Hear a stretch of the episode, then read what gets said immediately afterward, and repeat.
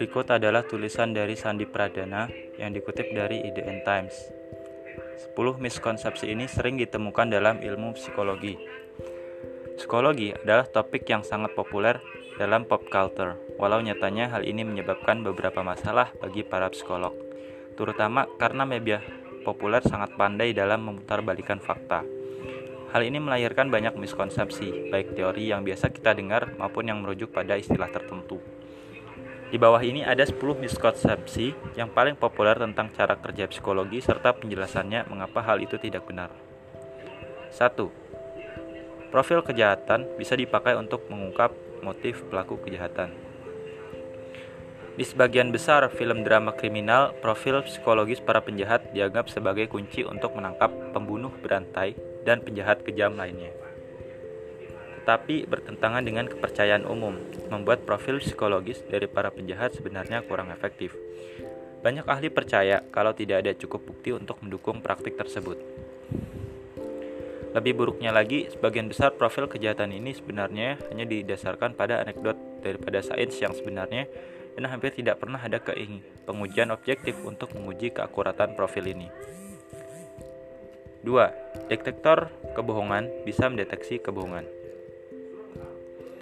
Detektor kebohongan atau yang biasa cara teknis dikenal sebagai poligraf populer di bioskop karena kemampuannya untuk mengetahui siapa yang jujur atau siapa yang membohong.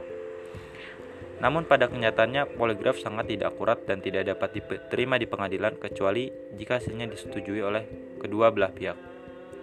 Poligraf menilai hal seperti detak jantung dan pernapasan dan detektif biasanya menggunakan pertanyaan kontrol dan stres untuk memancing kebenaran jadi, meskipun digunakan dengan benar, hasilnya hanya efektif sebagian saja. Menurut The Guardian, beberapa ilmuwan telah menciptakan mesin pendeteksi kebohongan baru yang disebut fMRI. Namun terlepas dari kepastian hasilnya, belum ada hakim yang akan mengizinkannya sebagai bukti yang dapat diterima di ruang sidang. 3. Krisis paruh baya pasti terjadi pada kita semua.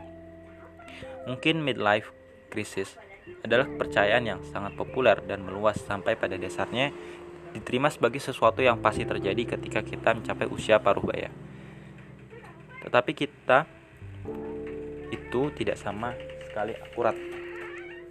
Alexandra Frown, seorang peneliti rentang hidup di Universitas Zurich, Swiss, menjelaskan kalau tidak ada rentang waktu khusus dalam hidup yang akan memberikan kita krisis mental. Ada saat-saat ketika hal-hal mengkristal dan menjadi masalah yang sangat mengganggu dalam kehidupan kita. Ucap Frown kepada Life Science. Orang-orang mengalami krisis semacam ini, tapi sama sekali tidak ada hubungannya dengan usia.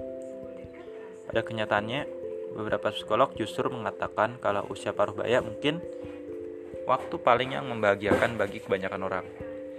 Menurut para ahli, pada usia paruh baya, kebanyakan orang tahu siapa atau apa yang mereka inginkan dan mampu menavigasi kehidupan sepenuhnya. Krisis terbesar justru benar-benar terjadi ketika kita masih remaja, di mana saat itu kita masih penuh dengan kebingungan dan cenderung mendapat rasa tidak aman. 4. Sindrom full moon Terkadang ada hari-hari tertentu ketika hal aneh tampaknya terjadi. Seorang kemudian menyebutkan kalau hal ini itu pasti terjadi karena bulan purnama yang akan muncul pada hari ini, dan semua orang yang mendengar mengangguk setuju.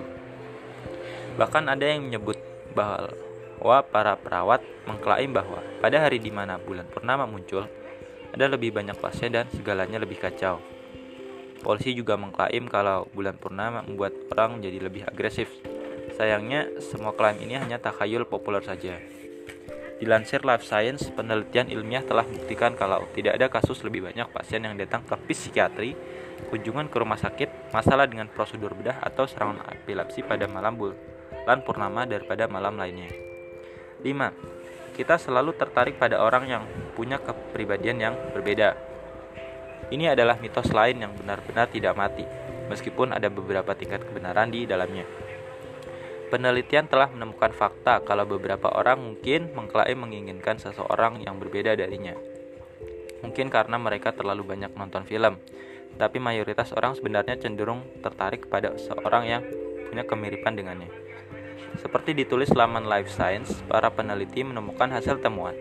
Kalau pasangan dengan kepribadian yang bertolak belakang jarang memiliki hubungan yang langgeng, kemungkinan besar karena kurangnya chemistry di antara mereka. Namun hubungan romantis tidak hanya tergantung dengan kepribadian yang berbeda atau mirip saja. Susan Perry, seorang psikolog sosial, menjelaskan kalau hubungan yang sukses lebih seperti potongan puzzle yang cocok dan saling melengkapi ketimbang kutub magnet positif dan negatif yang saling tarik-menarik. 6. Kita seharusnya tidak menenangkan bayi ketika mereka menangis. Oke, miskonsepsi ini sepertinya agak kontroversial karena ada beberapa pendapat yang berbeda tentang hal ini. Beberapa penulis swadaya telah mengajukan gagasan kalau orang tua harus membiarkan bayi mereka menangis. Namun sebagian besar peneliti tidak berpendapat kalau menenangkan bayi menangis akan membahayakan bayi.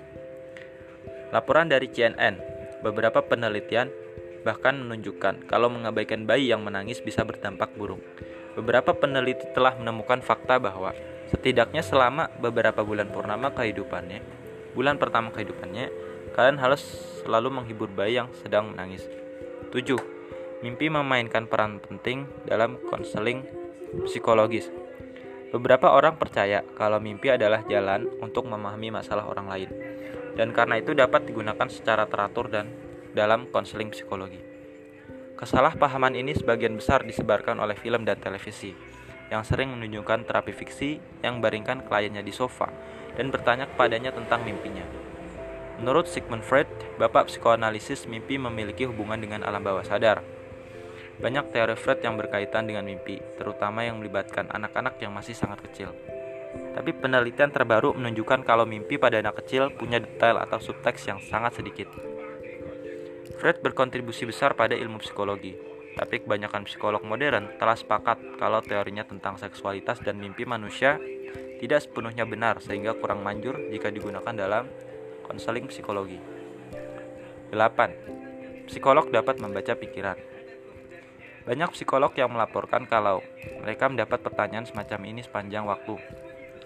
Banyak yang mengira kalau para psikolog mampu membaca pikiran atau setidaknya menganalisis pasiennya secara mendalam hanya dengan menetap mereka seperti jadi.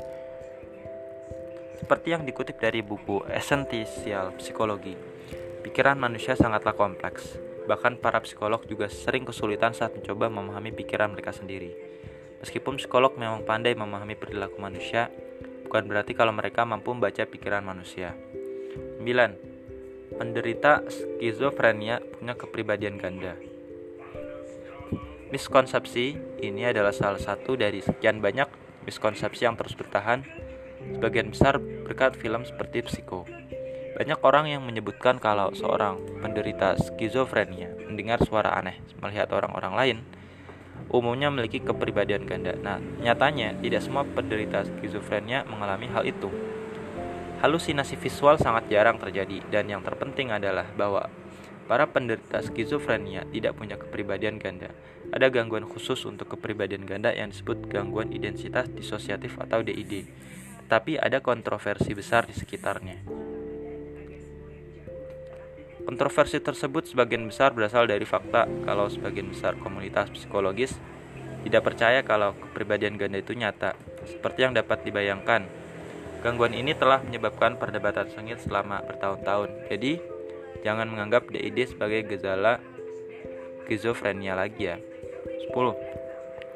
Perbedaan konselor, psikolog dan psikiater. Ada beberapa kesalahpahaman di sini mengenai apa itu konselor, apa itu psikolog, dan apa itu psikiater. Sebagai permulaan, seorang konselor seperti yang terlihat di banyak sekolah misalnya, belum tentu seorang psikolog.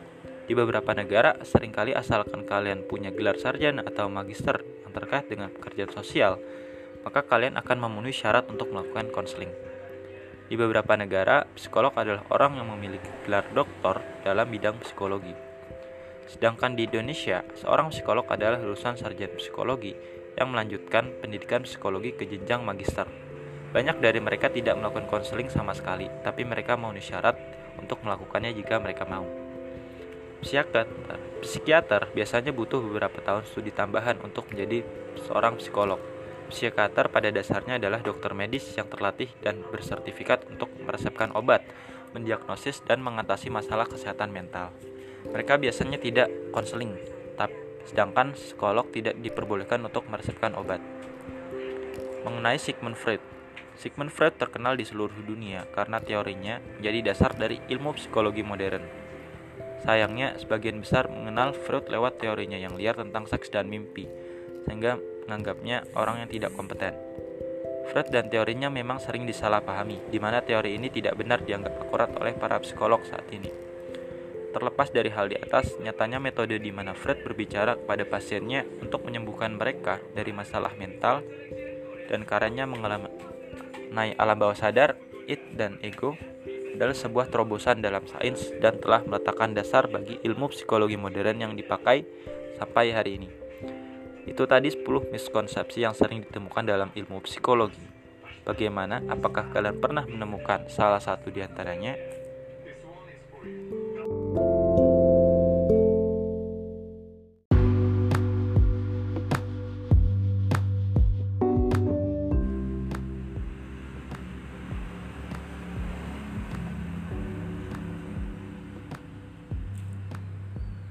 Assalamualaikum warahmatullahi wabarakatuh. Balik lagi sama aku Adnan Wahyudi. Kali ini aku bakal bawa topik yang menarik dan seger tentunya Yang pastinya bakal nambah pemahaman kita tentang sesuatu dari banyak sudut pandang. Selamat mendengarkan